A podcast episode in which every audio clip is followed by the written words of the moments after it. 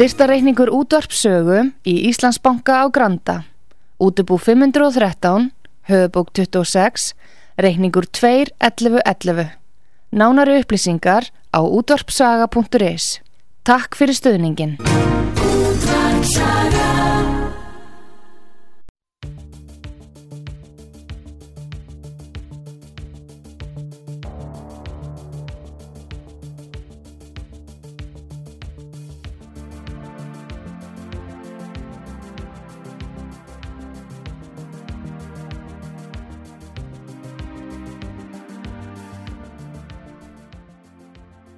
Hlustendur, komið þið sæl.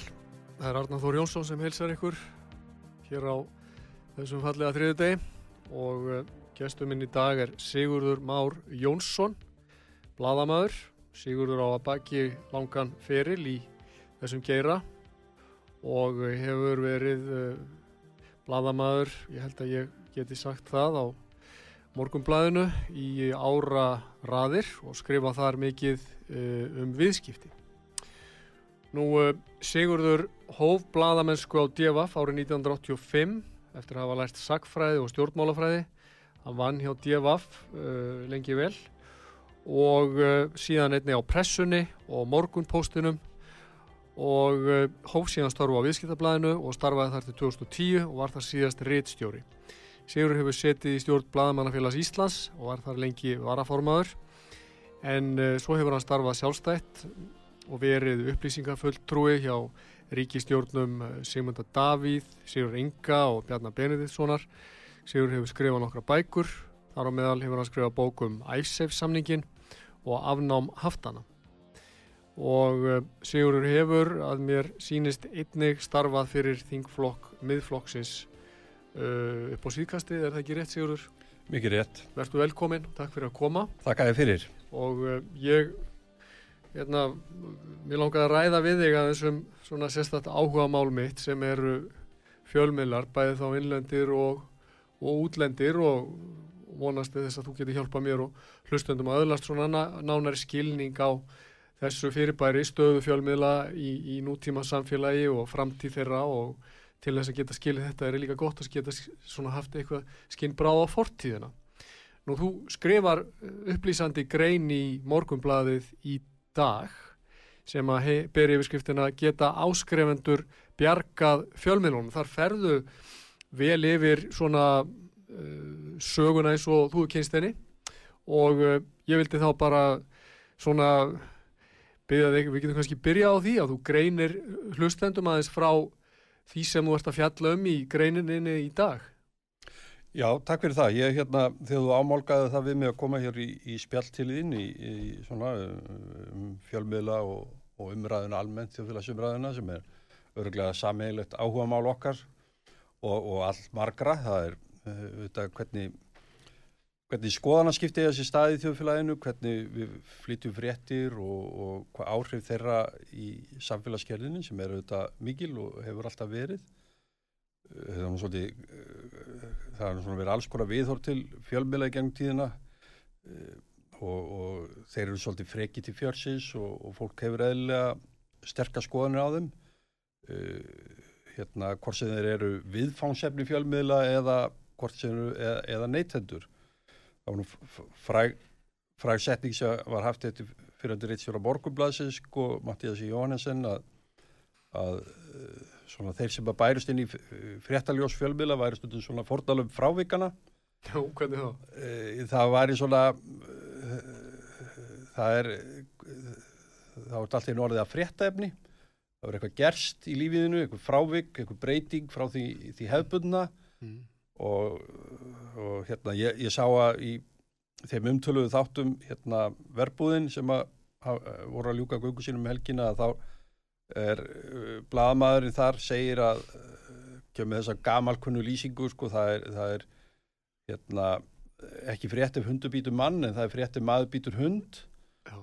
og þetta er svona gömul lýsing á sem að einmitt er að lýsa þessu, það er þessi afbreyðileg heitin, því frábröðuna mm. sem að stýrir ofta á tíðum fréttamatti en, en kannski líka sko og, og ég aðeins í fennu inn á það í í þessum vangaveltu mínum og þessum gert það og það líka þessi þessi, þessi mikla þjónust mennum stundum að segja að fjölmennið hafi gríðalegt líðræðislegt hlutverk í, í umræðinni sem að kannski má segja að sé öðruvís í dag því að það hafa margir aðgang að að því að geta útvarpað eða varpa út skoðun sínum.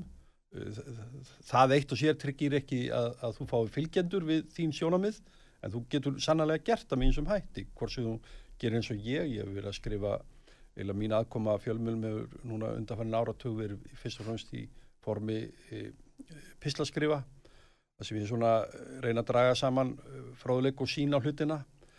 E, það er mjög margir sem gera þetta í alls konar formi e, sagt, e, við erum með podcast.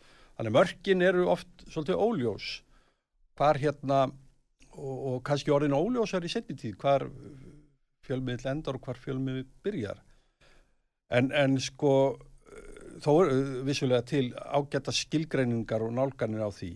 Og hérna og ég til dæmis sko þegar mér er að tala um þetta liðræðislega hlutverk fjölmiðla sem er að standa fyrir opinu og hreinskilni umræðu og draga fram öll sjónamið og, og endurvarpa svolítið því sem er kannski að gera í því samfélaginu hverjum tíma þá, þá ég líka stundu vilja stoppa við uh, það sem hætti kallast þjónustu hlutverk Þetta var nú einu sinni talið til dæmis eh, höfðu áherslan á, á sérstöðu ríkisútvarsins að það væri svona ákveð örgisþáttur, almannavarna hlutverk sem ríkisútvarpi hefði.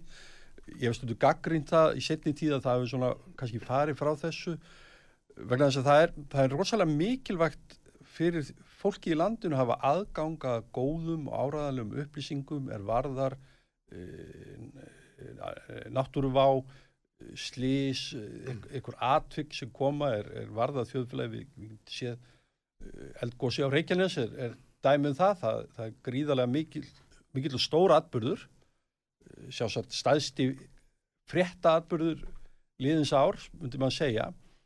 Og eh, fólk hefur eða gríðarlega áhyggjur framvindu og hvað í þessu fælst svo, svo skapast tækifæri í, í kringum þetta og það sem ég er að segja er að sko að það er ekki, síst, ekki síður hlutverk fjölmila að þjónusta fólk með áræðilega og góðar upplýsingar af þessu.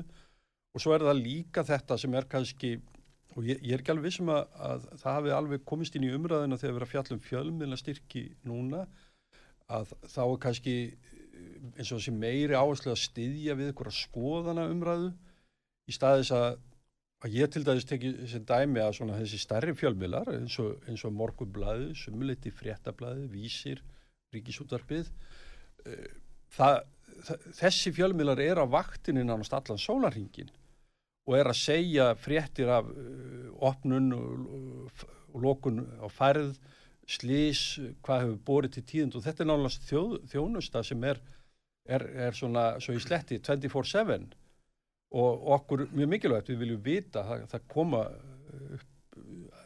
stórslis eða, eða eitthvað sem fólk vil fylgjast með í sínu næri umhverfi eða, á landinu og líka svo sem tengist al, alþjóðlegu fréttu líka og þetta eru kannski bara staðstu fréttastofunar sem eru færar um að sinna þessu mm. á meðan það er verið að búa til einhverja rauk fyrir því að það er að fara að setja uh, peninga til að styðja við einhverja líðræðislega umræðu sem eru þá kannski Þetta er eins og ef ég ætti að fá pening fyrir að skrifa þessa bloggpísla mína, eitthvað, eitthvað sérstaklega og maður sér kannski sem fjölmjölar eru svolítið meira í þessu og maður segir kannski að það myndi ekki skipta neinum váli varðandi sko þjónustu við lesendu þó þeir færi í mánaðalangt frí. Mm. Eh, það, það er ekkert sem að það, það vantar ekkert í líf lesenda á, á, á þeim tíma. En það sannarlega ef, ef, ef morgunblæði vísir nú fréttablaði sem aðeins hefur gefið eftir fyrst mér undanfærið og ríkisútvarpið er ekki að þjónust okkur með þetta mm -hmm. og hérna þetta kemur kannski inn í það sem að eh, var aðeins að fjallum í, í þessum pislu mínu sem þú vitnaði til og gerist eiginlega í framhaldið þegar þú talaði mig þá fór eitthvað glugg greipið fyrir svona náðast tilvílun hérna uh, svona starfsæfisög Jónasa Kristjánssonar sem var reittstjóri mín fyrstu árin og hérna uh, þá, þá var ég nú ég byrjaði nokkra mánuði inn í, inn í síðumúla en kom svo hérna neyri þerróldi í nýja húsið sem var svolítið dæmi gert fyrir þá velgengni sem að vel, DFF nöyta þessum tíma. Það byggði hér bara stórt hús og, og nýjustu tölfur og, og Jónas eh, talar um þetta sem stórveldistíma blaðsins á þessum tíma. En Jónas var svolítið sko uh, hann, lagði, hann vildi að uh, blaðamenn áttu að vera flytja fréttir sannar fréttir. Og á þessum tíma var sann,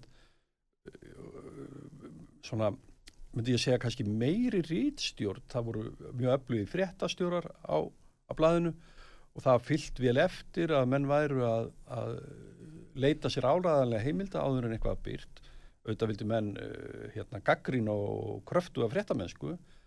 En uh, það var sér svona uh, að reyna að færa fólki svona sannleikan eins og bladamæðurinn nær utanum mann í þessu tíma ramma sem hann vinnur sína frétti. Við höfum stundu sagt svona þetta sé fyrsta ágrip sögunar blagamæðurinn er ekki sakfræðingur hann hefur ekki öll gögn og allar upplýsingar sem að kannski líka fyrir setna en, en það og, og þetta er svona kannski hluti sem að mér finnst aðeins hafa gefið eftir inn á reittstjórnum sko að það sé svona nákvæmur og íhugli reittstýring á, á fjölmöðlum maður finnst eins og menn svona kannski grípi svolítið bara sitt áhuga svið hver og einn sé að sinna því og, og hérna og, og svolítið ráði sinni aðkomu og nálgun á fréttir sem verður til þess að, að balansin getur farið úr mm -hmm. Það er líka hlutverk rittstjórnans að fylgjast með að, að blagamæðurinn sé í jafnvægi svona þegar hann er að fjallu um þetta meti á hverju tíma þarf alltaf meta hlutlegni ertu, hvernig tengistur sjálfur efninu? Hefur einhverja skoðanir af því og fylgjast með því til dæmis ef blagamæðurinn er kannski, kannski komin svolítið sko Jónas vildi gætna menn fylgdu málum vel eftir og væri, væri ákveðnir en það gæti verið sjóna með að menn var kannski orðinu of innviklaðir. Þeir var að svona vend einhverja sögu, einhvern narratív inn í frettónum sínum. Þá, þá þurfa reittstjórar að grýpa inn í og, og beina mönnum inn á einhverja, einhverja aðra braut. Já, sko Þannig að þeir lokist ekki inn í já, hérna, sínum eigin Já, það, það er svolítið mikil. Það er hlutverk reittstjórnar og, og hérna, og var einmitt hlutverk Jónasar og, og fréttastjórnar ég vil uh, gera hlut nefna þá sérstaklega, þeir voru kannski í þessu svona daglega amstri og, og þá var kannski og þá kannski, kannski farið fram einhver umræða um hver er fréttapunkturinn hvað er, hvað er að gerast, hefur orðið einhver breyting í þessum máli, varðar þetta lesendur og annað slíkt sem að þarf auðvitað alltaf að vera mat í gangi á hverjum tíma. Mér finnst þetta að hafa aðeins gefið eftir það má hafa ímsar útskýringar og skilning á því það enn og aftur komum við að svolítið veikburða rekstrastöðu fjölmiðla sem að þurfa bara að hafa sér alla við hérna mm. og og þó að að sumuleiti sé kannski fjölmilaflóran þokkalega ríkuleg í dag að þá er hann sannlega veikburða og, og hérna og er þar og ekki eins og allir vita komin svolítið á þann staða þykja ríkistyrki sem að var sannlega bannorð sko, frjálsa pressa í kringum Jónas á sínum tíma var til að, og, og bókinan sétt frjálsa óhaður og þetta var alltaf áherslan dagblæði og síðan djefaf að það tæki ekki við einu ríkistyrkjum mm -hmm. en, en um leið var sko uh, var verið að reyna að ebla tekjustóðir þessara fjölmjölu og þær voru voru sko áskriftatekjur og auðlýsingatekjum svona jöfnum höndum og því miður þá hefur þessi þessi tekjusamsetning vext mjög mikið og, og hérna uh, það er auðvitað glíman og þess vegna er ég svona aðeins að velta fyrir mér geta fjölmiðlar náð í, í áskrifundur, fólk sem er tilbúið að borga uh, fyrir þjónustu þessa fjölmiðs. Þetta, þetta hefur tekist uh, sumstaðar ælendis og, og væri gríðarlega mikilvægt ef, ef það gengi og, og hérna, ég veit ekki sko það má varpaði upp til þessi fjölmiðlastyrkir sem er í gangi núna, uh, hvort þetta sé, maður veit eiginlega ekkit varanleika þess. Hugsalega mætti eh, þróa og tólka þetta sem einhvers konar brúalán brúar styrki til fjölmjöla meðan þeir eru að hafa sett sér einhvern markmiðum áskriftir eða eitthvað slíkt.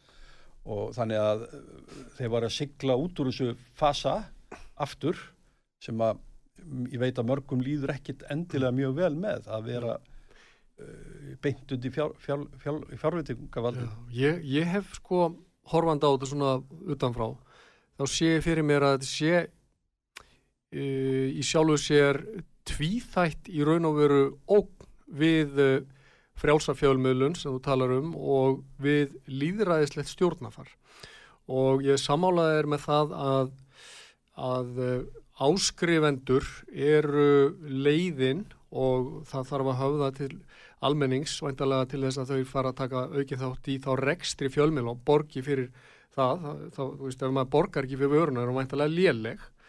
Og þessi tvíþættók sem ég er að tala um er í raun og veru það að stóru fjölmiðla samstæpur heimsins og eru komnar á fáramanna hendur verist vera. Og uh, það er eitthvað vald sko sem að það er náttúrulega mikið vald sem að, að fjölmiðlandir hafa. Og uh, ef að þá eigendur fjölmiðla kjósa að beita valdinu með tiltöknum hætti þá er það ógn við hérna, þá sem fyrir því verða. Ef að fjölmiðlar, eigendur fjölmiðla kjósa að beina því átt til þess að þakka niður í ákveðnu röttum uh, komið vekk fyrir gaggríni og slíkt, þá er það líka mjög hamlandi fyrir líðræðislegt stjórnafar en ég tel líka að þá þessi ríkistyrki sem þú talar um geti í raun og veru virka svona eins og lamandi hönd á frjáls, á, á í rauninni bara frjálsa umræðu í landinu á eðlilega gaggríni og málefnilegt aðhald. Og ég til dæmis í öllu þessu koronaveiru faraldri oftar en einu svona spurt mig hvert hefur verið að halda slutverk fjölmjöla hvernig það hafaði staðið undir í öðruvísin að segja bara að hverju gerir ekki meira og hverju gerir það ekki fyrr? Þannig að mér sínist eh, en það er nú bara mín svona þaðan sem ég stend að fjölmjölar hafi í rauninni gengist þá ríkisvaldinu á hönd og mögulega þá einni einhvers konar penningavaldi á hönd sem að áskrifundur eða á, sagt, lesendur og áherendur ekkit endilega átt að sjá hvert er. Þannig að hér sem annars það lítur gagsæg að skipta miklu máli og, og uh, þetta markmið Jónasar og þetta sem þú talar um í þenni góðu grein í dag um, um mikilvæg þess að fjölmiðla séu óháðir og frjálsir og uh, fjármagnar þá alls og mestu leiti af áskrifundum lítur að vera alveg ótrúlega mikilvægt nú sem fyrr í líraðslegu sammekir, ekki samála því? Jú, það jú, jú, og hefur alltaf verið Arnar, sko, hérna ég, mér, mér finnst að þegar ég hóf sko mína bladamennsku þá hafi menn gandast með að það væri bara eitt vandamál við fjölmiðl og það væri eigendundir en, en sko með réttið að raungu ég meina, ég er við hann upp að Mattias Jóhannensen sagði gjarnan og talaði fallega til eigenda borgarblaðsins að það væri fólk sem kynni eiga dagblad Hvað átt hann við með því? Þá, þá var hann vantarlega að skjalla þá að því að honum fast hann hefði haft sveigurum til þess að gera það sem hann vildi. Já Mattias var þetta svona borgarlega sinnaður maður og, og, og, og morgunblæði hafði þetta skýra eh, stefnu að mörguleiti í þeim málum og stundum gerða svona í því aðeins að breyðast við að vinna gegn einsleitni rittstjórnarinnar og stjórnurinnar en, en það, það, það fer ekki í gravgötu með það að morgunblæði var borgarlega sinnað blað og þetta var svolítið hert í kaldastrís átókunum sem að mótuðu mjög ekki bara fjölmiðla heldur sko bókmöntir og menningalíf landsins Já. hérna bara alveg þanga til 1990 eh, sem það var svona aðeins fara að fjara undan þessu þarna og, og, og, og um svipa leiti þá leggja sko floks, flok, eh, leggjast flokksblöðin af og hérna menn, menn fór í það alltaf að reyna að búa til sko eitthvað sko þriðja þriðja stóra bladi dag mm. Eh, og dagtíman eh, ekki, það var hann svolítið að skipta eh, þar, þar var tilrönd til þess að steipa þessu saman. Og reyna að höfða, það, það blað átt að höfða til áskrifenda og hérna það Elias Nælat Jónsson hefur skrifað ágætta minningabóku um þetta. Mm -hmm. og hérna sem var, var einna fréttastjórnum divaf þegar ég kem þar inn mjög, mjög öflugur og, og, og góður bladamæður og hérna og, og hérna og hann var ráðið hann yfir og þá var tilvægum til þess að búa til þriðja blaðið sem, sem höfðaði þá átti að höfða til eh, svona vinstiri arfsins inn í það steiftust leifarnar af alþjóðblæðinu, þjóðviljanum, tímanum og degi sem var gifin út á Akureyri. Þannig að, en, en sko, en, en þetta var allt van fjármagnað og, og, og peninga, og ég svona aðeins nefnið þannig grein minn hvaða tímar voru svona ásætta leigir, djefa upplýðið svona ákveðna, eins og Jónas kallaði stórveldist tíma frá kannski þarna þessum tíma í raunum þegar ég við byrja 1985 til, til 94, mm -hmm. svona, tíu, svona tæpan áratug, Já. eitthvað slíkt og og hérna og það var einmitt í kjölfar þess að sítiðisblöðin höfðu saminast og, og náða búa til rekstra stöðu upp úr því en, en sko, en þú, þú nefnir svona eigendur fjölmjöl og, og samþætti þetta, þetta, sko, þetta hefur alltaf verið enginn af fjölmjöla markaði það, það, og það hafa alltaf verið og við sjáum það ellendis, þar hafa verið svona blokkir í gegnum tíðina. Stór fjölmjöla fyrirtæki fjölmjöla kongar og hérna og, og margir þeirra umdeildir. Mm -hmm. Vi, við höfum nú séð hérna uh, til dæðis maður eins og hérna Rupert Murdoch sem er svona píliti ásýndas og hefur verið það í, setni áratvíi mm -hmm. stórluti landsmanna hefur örgulega hort á myndaþætti sem byggjast að einhver leiti á hans fjölskyldusögu Succession sem að og, og þannig að uh, þar er það sko verður þessi áhrifamáttu þegar það átt mjög mikið að fjölmiðlum inn í stóru samfélagi hann verður sannlega til staðar og það er, það er alltaf glíman við fjölmiðla. Ég hef til dæmis sko kannski ef fjölmiðla ætla að gera eitthvað þá, þá er svona alltaf spurningan að reyna að búa til einhver armslengdar sjónamið eða svona beit einhver armslengd frá eiganda til fjölmiðilsins. En auðvitað má alltaf spyrja hver á að fjármagna, hver á að koma fyrir inn í reksturinn. Mm -hmm. og Jóna segir að það hefði gengið best þegar þið leta hann í friðu, hann fekk að þróa reksturinn mm -hmm. en síður þegar menn ætlaði að fara að gefa ykkur orður í gegnum peningastýringuna eða setja honum ykkur fórsöndu svo er hann reynda mjög gaggrínin á það sem síðar kemur svona ykkur markasíkju og, og annars lít sem er kannski hluti af þróun sem, byrja, sem verður í lóks síðustu aldar og, og, og síðan framundi bankarhunnið mm -hmm. Og, og það, er, það, er, það er svolítið sérstaklega tími líka í bladasögu landsins að, hérna, að þessa viðskiptablokki sem risu upp á, á til þess að gera skömmun tíma að, að, að þetta voru algjör skiptimind fyrir þá að eiga, eiga og reyka fjölmiðl og fjölmiðlamenn það, það, það stæk fjölgaði alveg gríðarlega í stjætt blað og fjölmiðlamanna á þessum árum. Margir er að fóra að fá gríðarlega há laun og, það stóð ekkert undir þessu sko og þetta hrundinu mikið til með baukja og bramli sko bara eins og, eins og margt annað í kringu bankarunnið mm -hmm. En þetta er þá gert sko í þeim tilgangi að stýra þjóðfélagsumræðinu og, og móta almenningsálitið, skildi maður ætla? Já ég held það sko við verðum bara að vera hreinskilið með það að hérna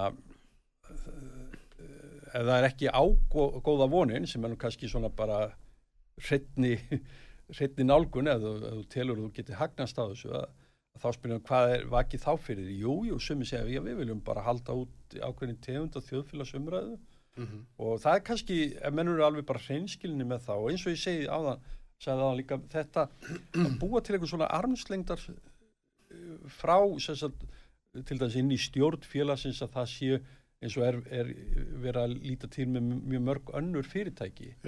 En, en sko vandkvæðin við það er að, að sko reksturinn hefur ekki bóðið upp á þetta er svona þau eru alltaf svolítið í görgjæslu þessi félug Já. og þá er erfitt að hafa svona armslengdar stjórn vegna þess að það þarf að vera eitthvað sem er að fást við þetta á hverjum tíma. Já, en nú er það þá, nú þá blasir við svo mynd að uh, fjölmiðlar, blöð og tímaritt eru þá uh, væntanlega að miklu leiti svona háð þeim sem er að borga, sem eru að, hérna, þeim sem er eiga og fjármagna þessa fjölmiðla. Og uh, hlutur áskrifanda hefur verið of lítill í þessu samhengi og við stöndum þá fram með fyrir þessari mynd að, að um, þeir þjóna þá svona sínum hagsmunum hver, væntalega þessi fjölmiðlar og eru mólsvarar fyrir ákveðin sjónamið hver fyrir sig. Þá skildur maður ætla að uh, ríkisútvarpið sem er hér fjármagnaði með að mér heyrist 5.500 miljónum af almanna fjó ári hefði sérlega ríkt hlutverk þegar kemur að því að breyka umræðina og veita eh, öllum þessum fjölmiðum aðhald, fjölmiðum aðhald en það sem að mér sínist og þú vonandi bara leiðrætti það er að e, sjónarátt ríkisútarpsis hefur síðustu árin, og þekkið þú það betur en ég, eh, verið bísna þröngt að mínu viti. Og, og ekki mikil hérna, mikil opnað fyrir uh, svona sjónamið sem ekki eru þóknarleg þeim sem stýra þar á bæ. Og ég vona að, að, að hérna, þetta standi til bóta, ég menna hvert er En hvert er svona þitt, nú ertu búin að fylgjast með ríkisútvarpinu í ára tugi, hver, hvernig metur stöðu þess núna, hvað þetta varðar? Já, það er, það er náttúrulega skilgreining og afmörkun á stöðu og stefnu ríkisútvarsins hefur tekið talsverðum breytingum í, í gegnum tíðina. Menn hafa auðvitað verið að fást við þetta, uh, þessa svona píliti drottnandi stöðu inn á fjölmjöla markaði sem byggist á því að uh, nokkur veginn saman hvernig reksturinn, reksturinn með háður húnum er alltaf bjargað að lokum eh, eins og, eins og á viðum aðra ríkistofnanir mm -hmm. og, og við sjáum það til dæmis eins og núna, Ma, manni sínist til dæmis að laun á, á ríkisfjölmjölum vera orðin svona herri en gengur og gerist í, með að bladamanna svona hefur, hefur þróast þannig En, en sko ríkisjórfi er auðvitað, það, það býr við lagaramma, það, það er með hérna, samning, þjónustu samning, ríkisvaldið og, og, hérna, og hefur alls konar reglur og skildur. Skildur, gleymum því ekki, liðræðislega skildur. Já, nákvæmlega. Já. Og, og það, mann finnst stundum eins og kannski mætti vera meiri sko, umræð og hreinskilni um hvernig gengur að sinna þessu skildum. Eh, sko það, þetta verður alltaf einhvern veginn varðstafa um einhverja, eh, einhverja eh, fréttir ríkisúðarbygði, einhverja starfsmenn eða eitthvað og það, það, það er volið erfitt að búa til einhvern svona, hvað mann segja, svona sletti plattform eða Já. það sem að það getur orðið einhver umræða um stöðu ríkisúðarbygði sem er, er mjög dominerandi. Já, má ég spurja þig að því að þú ert búin að vera í sko, þessum heimi í ára tugi og að því að þú nefnir þetta og orðar þetta svona það myndist ákveðin varðstaða um þetta. Sko er eh, getur við sagt að eh, bladamanna stjettin á Íslandi sé og stjett fjölmjölamanna sé einsleit stjett eh, sko er ekki er ekki flóra sko alls konar fólks með mismunandi sjónarhótt til dæmis inn á ríkisútvarpinu eða eða bara bladamenn á morgunbladinu eða á frettabladinu eða hvað þetta fólk er er, má segja að, að það sé að miklu leiti úr einn og sömu skúfunni og saminist í einhvers konar varstöðu þegar að, að þeim er hérna sótt Hva, hva, hvað getur þú, hvaða ljósi myndur þú vilja varpa á þetta í, í beitni útsendingu? Já, sko, ég, ég vil nú fara valegi að draga allar í sömu, sömu dilka En, en það, og, og á ríkisjónum er mikið af, af hæfu og góðu fólki og það er hérna, hefur margvíslega sjónamið og hefur margvíslegan bakgrunn og, og, og svo framvegis. En það getur stundum orðið svona finnst manni viðleitni til það sem ég var að reyna að orða með þessu varstöðu, þetta, þetta kannski skulda ég einhverja útskýru hvað ég við með því. En það, það, það svona, er svolítið svona upplifunin að, að og ég, ég til dæmis svona uh, ríkistúrun, ég hef nú sagt á að það, það starfar til dæs nánar með tilteknum fjölmjölum en öðrum Erstu þá að tala um innlendu fjölmjölum? Já, já, og hérna svona viðleitni til þess að búa til það sem að bara einhver svona uh, samstarf þar á milli sem að kannski í ljósi sko skilir það um, um, um hérna hlutlægni þess að getur verið vandasamt en, en sko hvað maður að segja sko, ef maður lítur aðeins tilbaka sko, ljósvakamiðlarnir þeir, þeir hérna taka byrju, við ættum kannski að fara yfir það bara eftir spástund eða Við tökum bara tvær myndur uppbútt Ljósvakamiðlarnir. Já sko, ljósvakamiðlarnir eh, þegar eh, hann er gefið frjáls upp Já. úr verkvallunni 84 og, og, og, og þá fer alltaf stað og í árin þar á eftir þá, þá var svolítið aðtöflis, þá voru ágjur, þá höfðu vinstir menn gríðarlega ágjur af hlutlægni ríkisútvarsins Mm. fannst það bara alls ekki standa sig og, og hérna og, og, og höfðu, höfðu mörg orðu upp um það. Og þá fannst ef sko þá kannski, þetta voru kannski þannig tímar, ég veit það ekki. Þetta var uh, kaldastríðis baráttan var að koma, koma að renna sitt skeið að enda Berlínamúrin að hrinja Sovjetrikinn og það voru svona uh, virtis sem að væri ákveðin hugmyndafræðilegi ströyma sem væri að taka yfir- og, og vinstrimenn höfðu mikla ágjör af ríkisútvarpinu á þessum, þessum árum. Auk þess að þeir voru sko að gaggrýna kannski fjölumila fyrir sko glíshátt og uh, það væri svona að verða frægðamennar stemming í kringum fjölmila sem að, svo ég vitni enn og aftur í Jónas Kristjánsson, hann hafði, hafði talsett mikla skömm á, gerði mikla kröfur um að blaðamenn væru ekki sko stórt atriði í, í, í, í fréttum eða frétta heiminum þó þetta blaði hafði skoðanir eins og það byrtust í leiðaraskrifum og einhverjum, einhver ákveðnum skrifum og, og, og, og það, það er kannski undarskilin. Þá hefðu menn fyrst fremst þessa ágjur af, af stöðu ríkisútvalfis sem að sem hefur kannski svolítið umpólast í setni tíð Mm. að vinstri menn þeir, þeir uh, hafa þetta ekki og kannski se- segja það nú stundum svona, svona forðu argument eins og maður segir að, að, að, þannig að, að staða ríkisútvarpsir hefur, hefur sko mjög lengi og sérstaklega eftir að fjölmiðlamarkaður var gefin frjáls verið svona undir undir svona eh, verið í kastljósunu og verið menna að vilja setja það undir mæli kér og, og velta því fyrir sér hvernig, hvernig stendur á þessu en, en það kannski uh, að sumuleiti skortir alltaf píliti kannanir, rannsóknir til þess að hjálpa menni að meta, meta þessa stöðu svona í, empirist ef maður mætti orða það þannig Mhm. Já, hérna, þetta er áhugaverð umræða. Við, við höldum áfram með hana núna eftir auðlýsingarlí og þá ræðum við svona um, um stöðuna nú og, og horfum aðeins til framtíðar kannski. En nú gerum við stuttlíða, takk fyrir.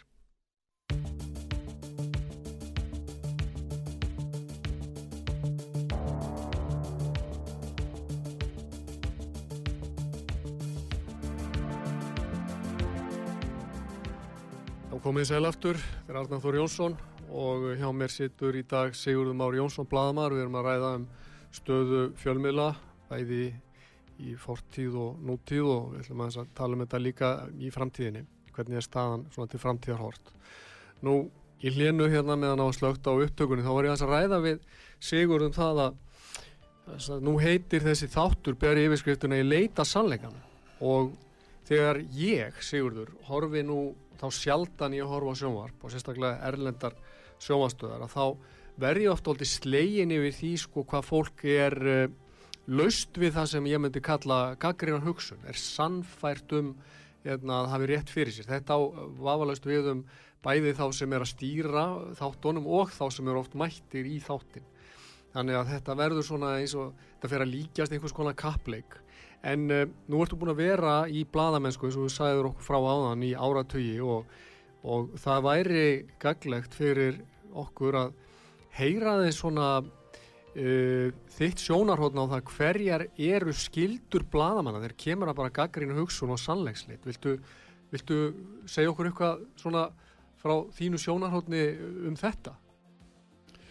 Já, það er þetta er náttúrulega auðvitað margþætt eh, getur salleikurinn haft mörg andlit Eh, maður er alltaf svolítið ragur við að vera sko inn í umræðu um það sem að eh, svona vera um stó, salleika með stórum stafi eða eitthvað slíkt. Og þetta er ekki bundi bara við fjölmiðla. Við höfum náttúrulega síðustu áratugi verið í svona svona postmodernískum tímum það sem að allar fræðigreinar það er svona tengja saman og það eru í uppbroti og það eru endumati og, og, og, og sannleikurinn er svona eitt, eitt, eitt þáttur í því vegna þess að það hefur sýnt sig að sannleikur eins er, er sko rángiti annars Já. ein, einhverju leiti sko og, og ég hef En samt er það nú þannig að, að lífi lítur ákveðinu lögmálum og, þegar fólk segir við mig eða maður heyri því fleikt að kallmenn geti til dæmis hvað, geta þeir orðið óléttir þá? Ég meina, erum við komin á þann stað? Í, í, í þessu uppbroti á sannleikanum, þá einhver stað hljóta mörkin að liggja. Já, já, já. Og maður getur ekki sagt hvað sem er í, í fjölmiðlum eða, eða annar staðar. Þetta er, nei, þetta, og, og það sem meira er að þetta er, þetta er ótt svolítið viðkvæm umræða. Maður mað sjálf sér aldrei vilja segja eitthvað sem að veldur fólki ónótum eða kvíða eða einhvern nátt sem að verðist vera svolítið mikið í kringum svona það er nú stundum kallað svona political correct umræða Já. og við höfum svona allskins samskipti sem hafa verið sett undir þetta sem eru, eru bara mjög vand með farinn og, og hérna hafa svolítið tekið yfir umræðuna á, á marg, margvíslegan átt og, og þetta var eins og ég var að koma inn á að það var að sko, það verður kannski svona af, afstæðishyggja ríkjandi. En málið er, maður við múum skjóta inn í sig og svo heldur þú bara áfram. Sko ef að afstæðishyggjan verður alls ráðandi og ef að, ef að upplegið verður frá degi til dags það sé ekki sannleikur til, þá er í rauninni erum við komin út á þá hættuslóðir, þar hættuslóðir að líðræðið í rauninni mun ekki lifa það af. Og bara sem sagt uh, við verðum uh, að horfast í auðvið það að við erum þá komin út á mjög hála braut sem að endar sennilega með því að, að einhver sterkur leiðtói kemur fram og segir ég leið ykkur út úr ógöngunum, ég er með sannleikan, fylgiði mér. Og, og þetta er stef sem að ég hef verið að vara við. Sko við, ég, engin maður getur hérna, átt engarétt á sannleikanum. En lífið er í mínum huga sannleiksleit og bladamenn hljótað gegna hlutverki þar bara alveg eins og uppalendur og kennarar og aðrir að hjálpa fólki af stað.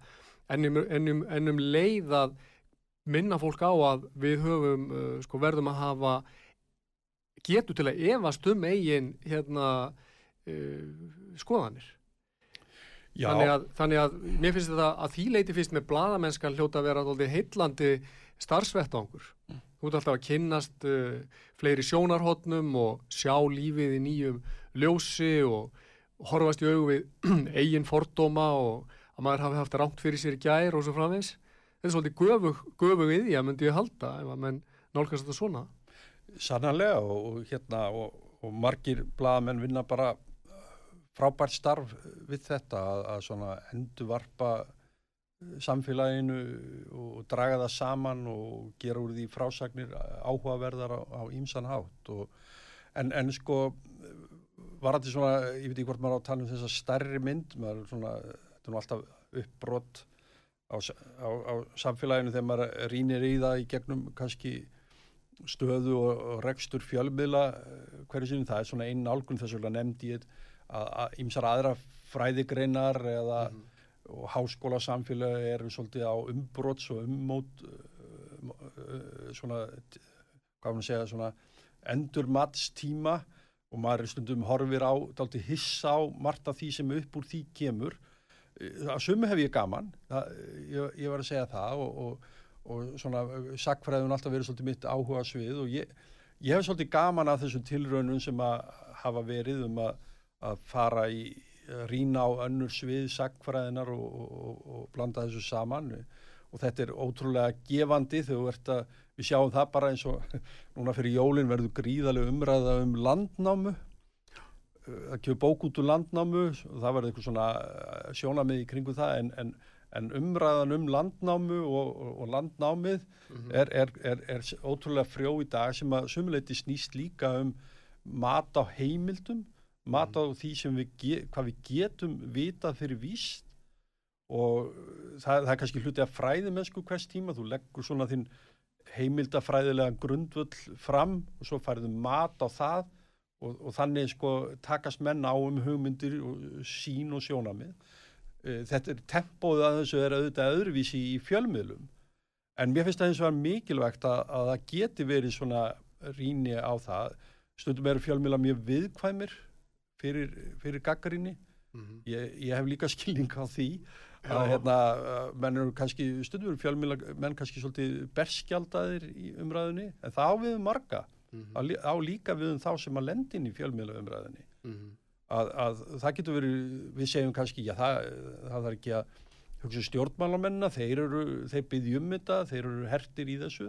Svo kemur fólk sem segist bara ég engan áhugaði að vera lengur í stjórnmálum að því að þetta er svo óvægin og, og hérna, og leiðilega umræða sko, það sem að þú nú aðeins vera, þú kom inn á pólitíska svið og, og með mjög skemmtilegi farteskinu lungun að ræða um hugmyndir og stefnu og annað slíkt En ekki um fólk, ég hef engan áhuga að tala um fólk og ég tala aldrei helst um sjálf á mig. Nei, nei, en, það... En eins og, þú veist, þetta er auðvitað, svo, ég veit ekki, slíku umræða kannski áhjögt um pallborðið eða? Nei, það, það er náttúrulega, það er svolítið erfitt að, að distansera, þú, personin dregst alltaf inn, inn í það. E, úti sittur öruglega einhver núna og hlustar og segir hvað er villisingurinn að segjur um mára bladra þetta, endast. Og það, það er alltaf þannig, það dregst einhvern veginn inn í umræðina og og það er ekki þetta rannsakandin eða bladamæðin getur ekki alveg fjarlagt sig sviðinu. En, en, en eins og ég sagði ég menna eins og innkomum þinninn á e, pólitíska svið og það kannski sem að máttu kannski tólka sem fyrir ekki þau ég kannski leggst aðeins í hlutverk bladamannsins hér sko. En það, það var svona viðbröð kannski við ákveðinu pólitísku ástandi að, að hérna að, að, og það sem að svona ein, ákveðin einsleikni í umræðinu og hérna mm eins og við höfum verið að fara yfir og það er kannski alltaf það sem gerist að hérna menni eru að leggja hugmyndir á borðið, reyna að fá endumat á það og, og mér finnst það mjög mikilvægt ég, ég til dæs gefið mig talsett í að, að velta fyrir mér lofslagsmálum mm -hmm. og, og það, það, það er rosalega, ég, ég er svo heils að hvað það er viðkvæm umræða og, og mér er að segja ágæti kunningja mínir eru farnir að segja að ég sé afneituna sinni eitthvað slíkt sko Já. og þá spyr ég í, í, í samsvarandi sangin eftir ég að segja að því séu hamfara sinnar Já. Eh, sko þetta er auðvitað mjög oft erfitt að þetta er viða mikið mál og flókið í eðli sínu en þar hefur til dæmis svona finnst mér hafa gætt og ríkisútarpegu svolítið verið í því að, að svona búa til einhverja viðukenda sín og skoðun í þeim málum og, og ef maður eh, stoppar við og vil spyrja spurninga þá uh, liggum maður undir svona personlu ámæli fyrir það. Uh, nú er ég allur talsmannu þess að við gætum að náttúru og umhverfi og reynum að taka skinsamar og yfirvegar ákvarðanir í þeim efnum. En um leið þá mm. spyr maður er það sem þú ert að segja, er Já. það skinsaleg leið, er, er það vitum við fyrir víst að þetta er svona? Og, og þá er, þar er sko það er svona tilneying til þess að eins og verður ofta kanonisera eða búa til einhver helgi, helgi tá sko, einhver, einhver viðukendan sannleika sem verður að ræða út frá Já. það er, ég held að við séum örgla á sama mál með það er mjög vara som staða fyrir alla sem gefa sín í umröð og blað, ekki síðu blaðamenn Já, þú hérna í greininni sem vorum að tala um á þá vittnar í Jónas Kristjánsson heitinn mm. og um, þú segist hafa ef ég skildi þið rétt, stíið svona þín fyrstu skref uh, já undir hans handarjari, getur við sagt það? Já, já. og um, uh, sko hvað hefði hva, sko, sko nú var Jónas auðvitað umdeldum maður og hann uh, var svona hlýfiðinn og ekki sjálfum sér að öðrum síndist mér þegar hann var að skrifa. Kannski fór fullgeist stundum en hvað hefði hann sagt og hvað kendi hann þér um um svona kanóniseringu á, á vondur íslensku. Ég meina uh, hefði hann hvart því sem unga bladamann til þess að segja hér eru heilar kýr sem ekki má stukka við Já, já, ég meina hann er auðvitað að brjótast út úr sko fastmótuð umræðu kerfi sem að snýrist til dæmis auðvitað kannski má segja að fjölmiðla markaður var fátaklökur, hann, hann er nánast nýbúin að taka við sko að bara að kirkjuferðum sem uh, samskipt og umræðuvettfangur sko, að, að fara í kirkjuna þar skiptist fólkið á skoðunum og, og sögum í, í sveitinni sko, og síðan koma fjölmiðlatir inn í þetta. Og þessu var stýrt í gegnum sko, uh, fjölmiðla sem að hafðu þá sko, voru fjármagnaður og hugsaðir sem viðbót við framlegginga einhverju pólitískri hugmyndafræði Já. á hverjum tíma. Og hann er að kom inn í þannig, mm. þannig heim og segist ekki haft haft neitt áhuga á þessu heldur fyrst og fremst að skrifa fréttir sem væru sannleikanum sangkvæmt eða bara hvað hefði gerst uh, hérna hver saði hvað, hvernig og, og, og hvenar mm. og, og það er kannski ættir þú alltaf að vera svolítið svona leiðsögn og ég, eins og við erum að tala um hér um að, að, að kannski innan fjölmiðlunum sé líka ákveðin gaggrinu umræðum hvað við erum að gera hverju sinni og uh, kannski að það sé og, á því hef ég skilninga fjölmjölamönnum finnst að það sé sótt stundum og þeir þurfa að verjast því. En um leið þá finnst mér allt í lægi að þeir svona aðeins takki sjálfa sig út fyrir og velti fyrir sér hvað er uh, vegna þess að það, það er og það er ekki bundið við Ísland að menn hafa verið svolítið að gaggrinað fjölmiðla og fjölmiðla umræðs er svolítið yfirtekinn af því sem var, eru svona einhvers konar aktivistar. Fólk sem hefur kannski agenda og annan hátt en var hinn beini flokks pólitíski uh, agent eins og var. Og þetta, þetta við sjáum þetta á ýmsum sviðum til þess að lesa greinum dæginum sko örlög Wikipedia Já. sem að átt að taka við sem talandum sallega, hún átt að vera svona sallegur fjöldans. Hún veri rítstýrt með ákveðnum hætti þannig að þar byrtist bara hvað vitum við í raun og veru um eitthvað tiltekki málefni. Þannig að þetta áttu að vera grassrótar, er það ekki svona gagnagrunn? Já, já. Uh, og, og, svona, og hver sem er gætt skrifað og, og þetta náttúrulega tók Britanníku í burtu sem hafi verið þessi, þessi alfræði orðabók sem að var sko kannski afrakstu skynsemisikjunar þar sem að menn töldi að við gætu sett á bók þar sem við vissum í raun og veru mm -hmm. og Wikipedia kemur inn í þá og náttúrulega eh, eins og allt sem kemur á netunum það, það þurkar út rekstrarælega fossendur mm. þeirra sem voru fyrir. En svo verða kannski öllu Wikipedia utaldið að, að sko svona aktivismin tekur yfir. Það byrja fólk að hætti það byrja að skrifa bara inn með ákveðnu tilgangi. Set, og, og þá er það bara hálfsagan sögð þessi sjónafrhótt og er hennu þá eitt út eða? eða það er ekkit verið að fylgjast með því. Þetta er hver er í rítstjórnin, það er á að vera fólk bara svona í einhverju deil, einhverju svona deili rítstjórn og, og mér finnst þessi alveg svolítið lýsandi sko. Ég, það er sko talað um að, að um, og við erum að tala svona í, í þessu samhengi um einhverja grassót sem við sjáum fyrir okkur að verða standa baki rekstri fjölmiðla, mm. almenningur saminist um það að kaupa sér áskrifta fjölmiðli sem maður vil lesa og fjármagnenda þannig og Þannig geti fjölmiðlinn verið virkur í líðræðislegri frjálsri umræðu sem er bara af hennu góða. En síðan er nefnilega orðið til annað fyrirbæri sem að heitir, er kallastundum sko gerfigras eða astrotörf mm. og þá er verið að fjármagna einhverjir sem að svona skuggastjórnendur sem að í rauninni kaupa sér bloggara eða, eða borga fólki og aktivistum til þess að yfirtaka einhverja umræðu, tala ítla um þennan eða vel um hinn og svo frá þess og þá verður allt svona bjagað og, og maður hættir að geta séð til bots í því sko, sem maður er að lesa skilur.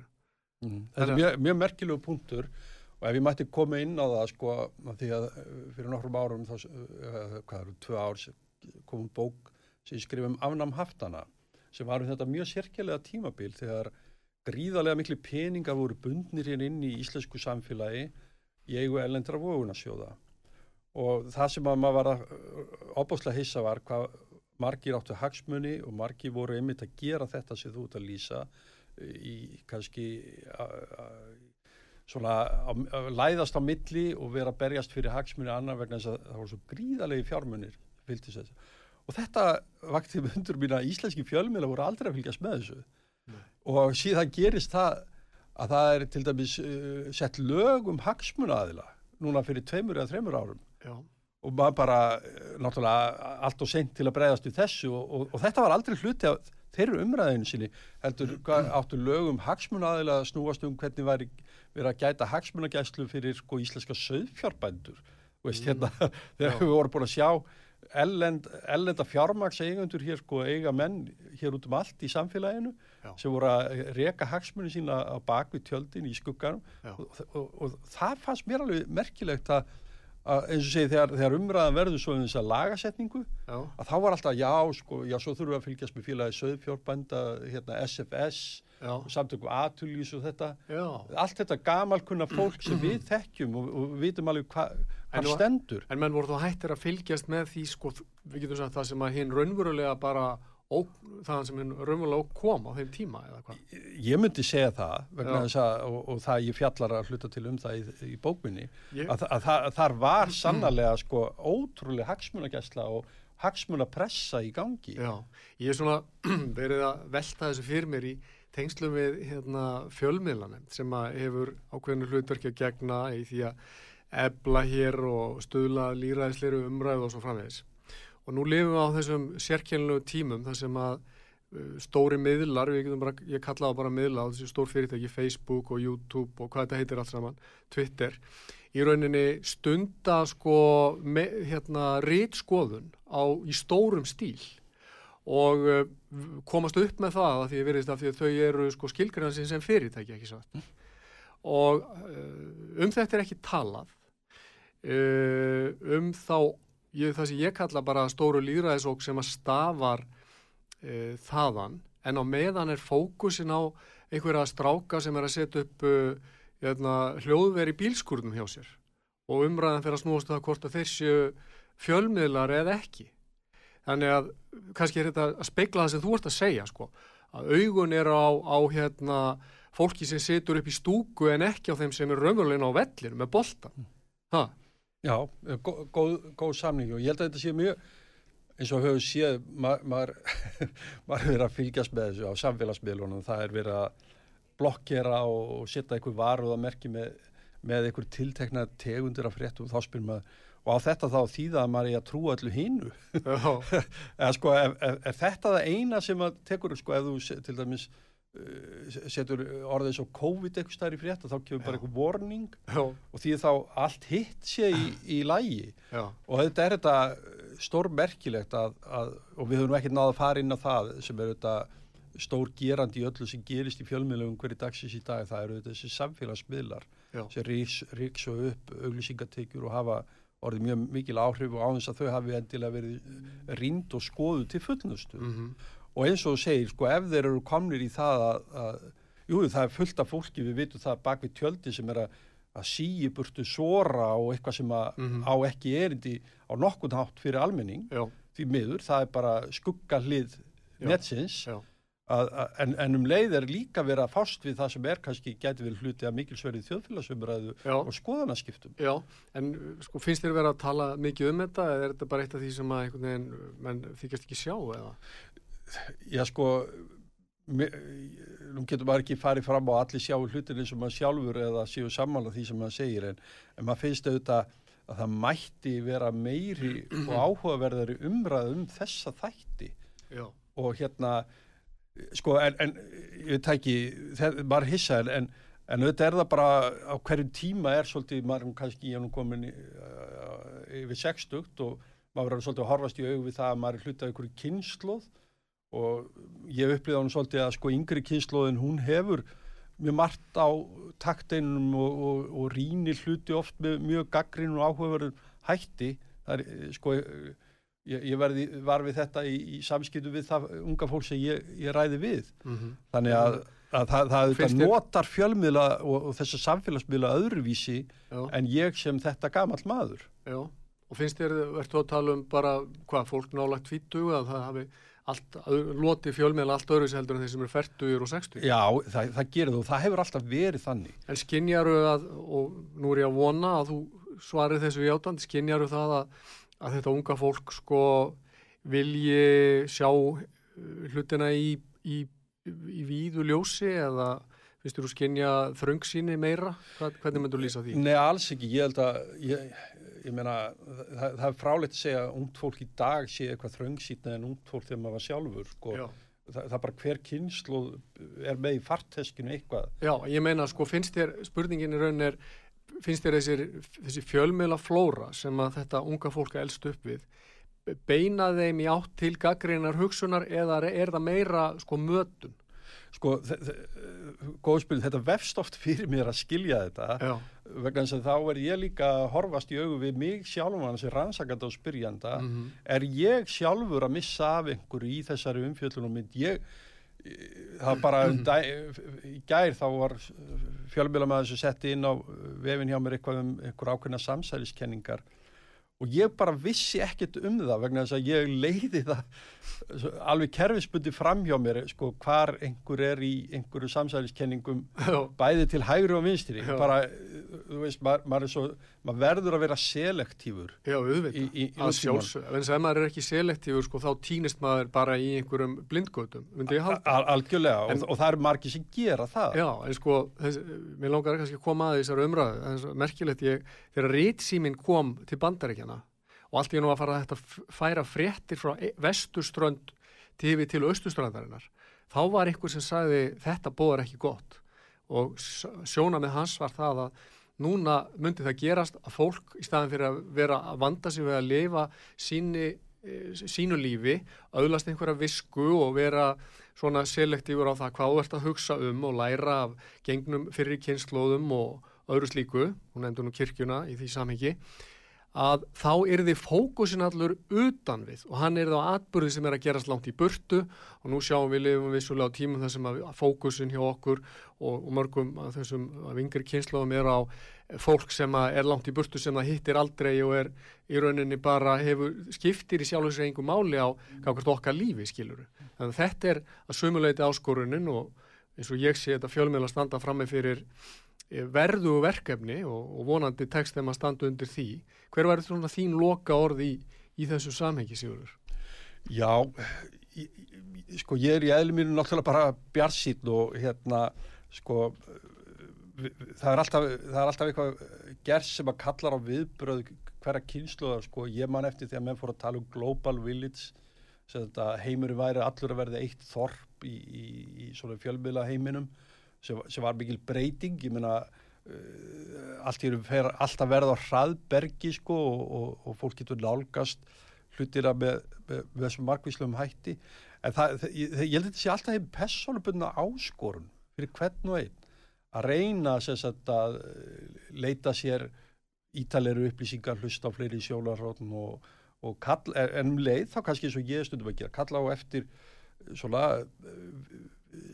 starra og betra samtali um hlutina að fleiri sjóna að menn kannski grafis ekki onni í skotgrafir eða, eða einhver sjóna megi ekki komið. Það komið erfið umræðefni sem að getur verið torvelt að ræðum en það þarf að ræða kannski með, með fjölbreyttarhætti. Ég tók til dæmi hér lofslagsmálinn. Það, það eru auðvitað eins og bara þessi, þessi samskipti kynjana sem að tröllriður umræðan núna. Þar, þar er greiðilega mjög erfitt umræðefni að fást við sem að vefst fyrir öllum og, og leiðir eitthvað ákallum stórkostlega breytingar á réttafarskerfinu og, og annað slíkt og, og sem er mikil áskoru fyrir samfélagið að gangi gegnum þá umræðu, myndi ég halda. Mm.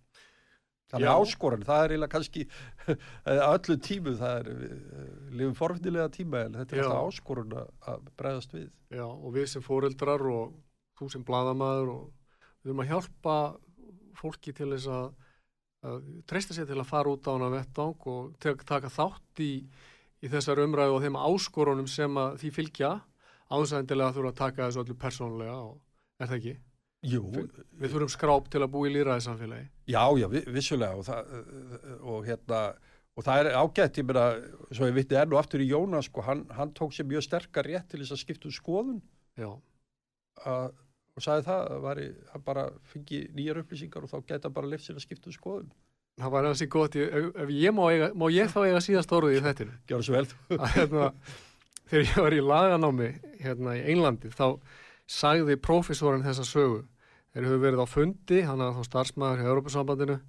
Það er mikil, mikil verið að rýfast um eitthvað tiltekki mál og hérna fulltrúi Fraklands lýsir ákveðinu skoðun og þá segir breytin, þetta er skrítið, þú varst ekki með þessu skoðun í gær og þá segir Frakkin, nei, en ég er með gaggrina hugsun og ég hérna, leifi mér að vera vitrari í dag en ég var í gær og þá var breytin fljótur að svara og sagði, þá legg ég til að við slítum fundi og, og byrjum aftur á morgun. Í traustu þess að væri það orðin vitraði þá. En Sigurður, takk fyrir að koma. Gaman að spjalla við þig. Mín við höfum samtalinu áfram. Já, takk, takk. takk fyrir, bless